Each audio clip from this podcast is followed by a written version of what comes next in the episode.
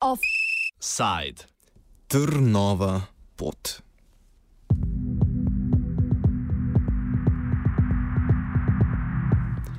Celo avgustovski festival v ljubljanskem naselju Trnovo letos poteka pod novim imenom. Tradicionalni Trnfest je preimenovan v Trnov Fest. Organizira ga Center slovanskih kultur France Preširen, ki ga je od bivšega organizatorja kulturno-umetniškega društva France Preširen prevzel lani.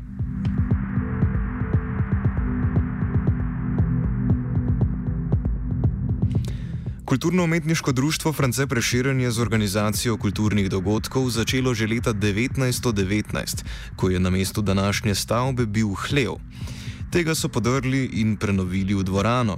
V 80-ih letih je Kud deloma izgubil kulturno pomembnost, člani gledališča Anne Monroe so pa ravno iskali nove prostore in odzvala se je še lokalna mladina, ki si je zaželela rokerskega kluba. Povezali so se in zmagali na volitvah v organe društva ter postavili vsebinski ter organizacijski koncept, ki se ga držijo tudi danes, oziroma so se ga držali, dokler so delovali na Karunovi ulici. Leta 1990 je nastal objekt opremljen tako, kot ga poznamo, z galerijo, delovnimi prostori in točilnim pultom. Del delovanja društva je bil tudi Augustovski Trnfest. Bivši dolgoletni tajnik Kuda Željko Pelicon prve edicije Trnfesta opiše kot festival, ki je oživel poletno ljubljansko mrtvilo. Poleg spremembe imena in organizatorjev so letošnja noviteta tudi prvič plačljive vstopnice. Do sedaj brezplačen festival letos zaračunava 5 evrov na dan, 25 evrov na teden ali 90 evrov za cel mesec.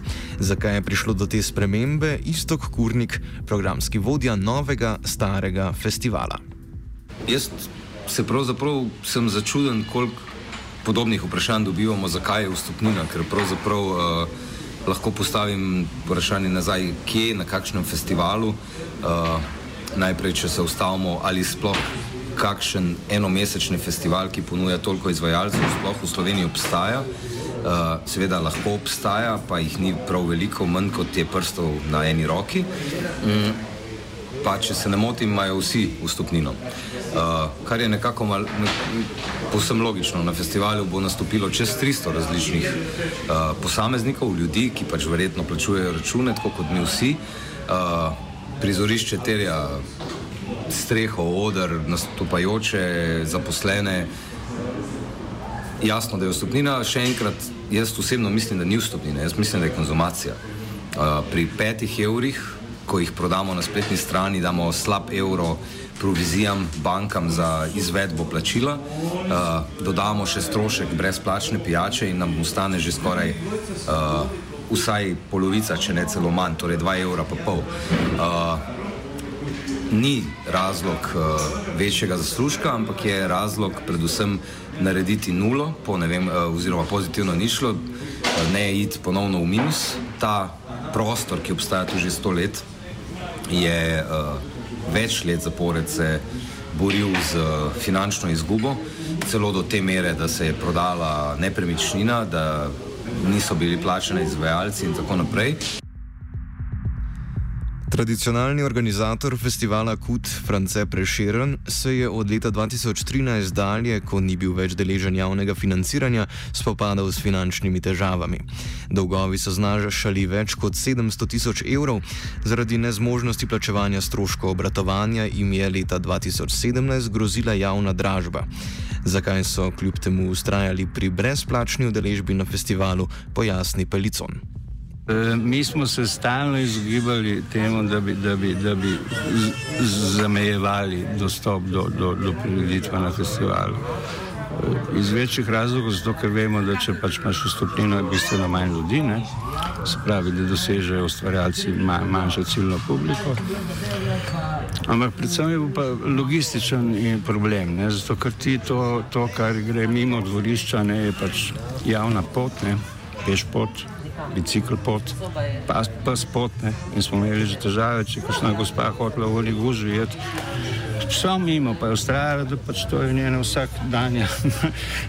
Se ni bilo veliko takih primerov, ampak sem pa tja se kdo najdel. Tako da, da se nismo hoteli uh, nakopati niti slučajno nekih sporov za sosedsko na to temo, da bi zapirali, ne, ker to rabiš pol soglasja, bla, bla, bla, da ne govorim. Uh, tako da to je bil po mojem glavni razlog. Ne. Zdaj, zakaj leta 2013 je bilo še vse postavljeno? Vsi izvajalci so vedeli, da igrajo na brezplačnem festivalu. Želo bi Afro je zaradi, že leto prej, ko je zvedel na kakšnem festivalu, igrajo spustil ceno, ne vem, za za dve tretjine. In, in če bi uh, vedel, da je plačljiv festival, ne bi tega naredil. Ne? Če ne bi vedel, kam gre igrati, tudi tega ne bi naredil. Ne? Da, to so take stvari, ki se jih ne naredi čez noč, ne glede na situacijo. Ukrajinski podjetnik in direktor zavoda Festival slovanskih kultur, prav tako nekdani sodelavec Trnfesta Artur Azarkevič, jih je rešil pred javno dražbo tako, da je kot prokurist podjetja Don Sol kupil nepremičnino. 13. februarja istega leta je postal tudi izvoljeni predsednik Kuda France Preširen. Več o dogovoru med njimi Pelicon. V bistvu Zelo preprosti dogovori. Oni postanejo lastniki nepremičnine s tem, da poravnajo vse, vse kudove dolgove na, na, takrat, ne, ki jih je bilo za nekih 700 evrov. Uh, da o, o, ostane kut noter vsaj eno leto še brezplačno in potem pod ugodnimi pogoji naprej. To so bile tri točke, ki smo si jih usklajevali, pogajali, ne vem, dva, tri mesece in potem na oče zboru so pač oni tudi predstavili to kot, kot njihov, njihov, da podpirajo ta predlog. Zato je občin zbor to sprejel in to je bilo to. Ne? In v bistvu so bolj prodali nepremičnino sami sebi. Oziroma. Ne, pa je pa zdaj to, pa zdaj stvar sodišč in, in tako naprej. Skratka, uh, lej, mi, mi, mi zato, smo, da, bi, da, bi, da bi da bi olajšali ta prehod. Ne? Smo uh, uh, uh, uh, njih dva sprejeli v članstvo in jih izvolili v izvršni odbor, in potem je izvršni odbor Artura celo izvolil za predsednika, zato ker smo vedeli, da se bo lažje pogajal z upnikom kot predstavnik kuda, kot pa predstavnik kupca. Ne? Se pravi, vsak kupnik bo rekel, da imaš žnar, če se kupe, če bo prej kot reveš kup, je malo drugače. In je bil kar uspešen. Potem, in je tisti skupno maso dolgov kudovih znižal v treh mesecih na, mislim, na 640 tisoč, potem so se premislili. Azarkeviču v društvu očitajo predvsem to, da je zlorabil položaj, ko je istočasno bil predsednik društva KUD in prokurist podjetja Don Sol, ko je prodal KUD omenjenemu podjetju. Očitajo mu tudi, da je sklenil kupoprodajno pogodbo, ne da bi o tem obvestil izvršni odbor društva, del spora pa je bila tudi nižja cena, kot je bilo dogovorjeno. Na mesto 705 tisoč evrov je bila cena le 450 tisoč evrov. Prav tako mu očitajo lanski Trnfest, ki se je izvajal pod tradicionalnim imenom, ki jim ne pripada kot dodatek kupljeni nepremičnini. Kurniku se stvar zdi preprosta in jasno postavljena. Meni je to, meni je to smešno, da mislim, smešno, žalostno. Uh, hiša je bila prodana.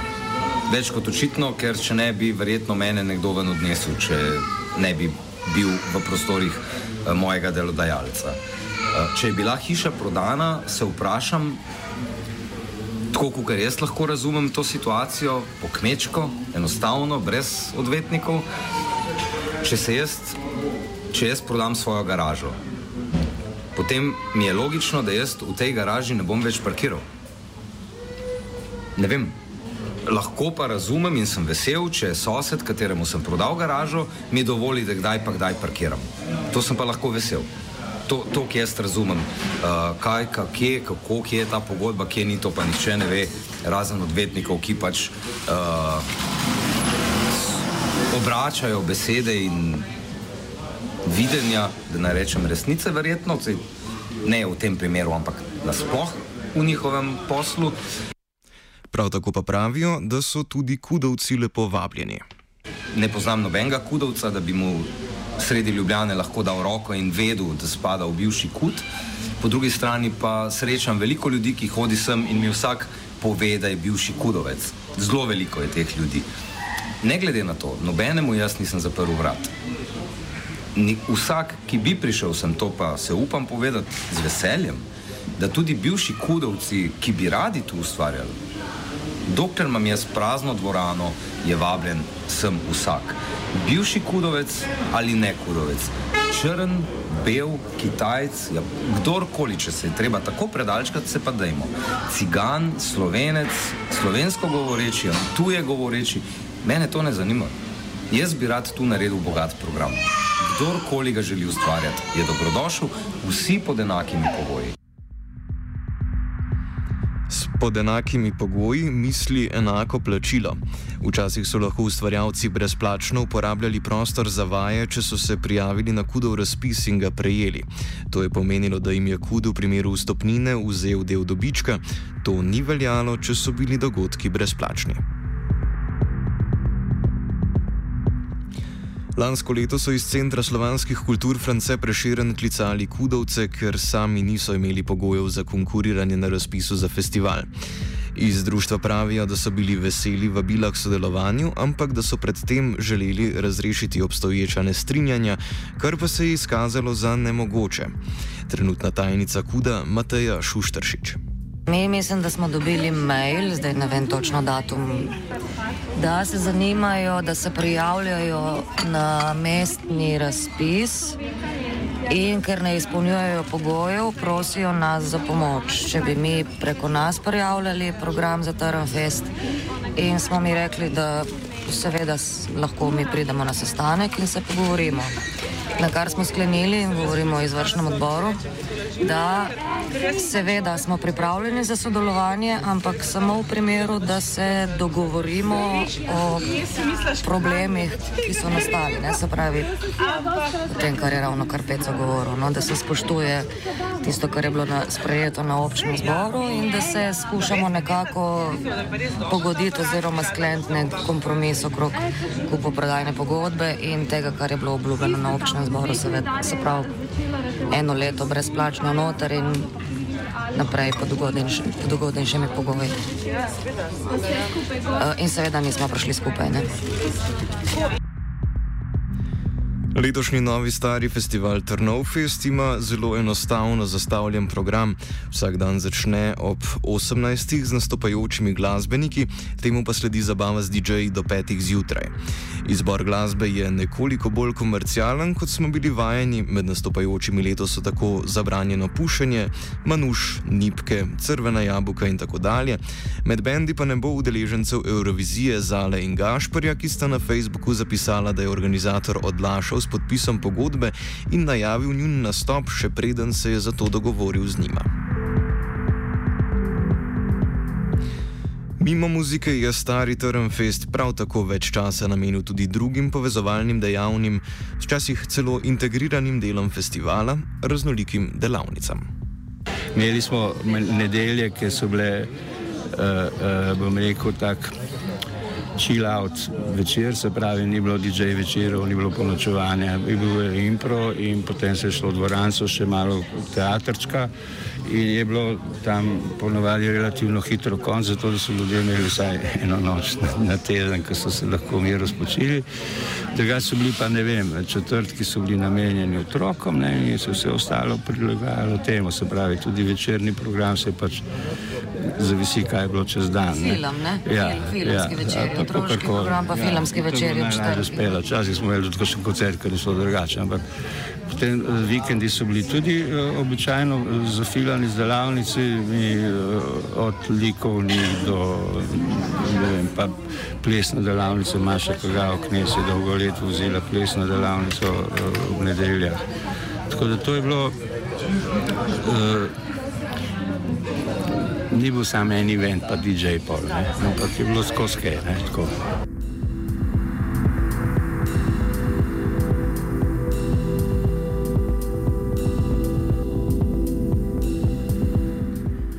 Offset je pripravila Trnovčanka Anja. Radio študent.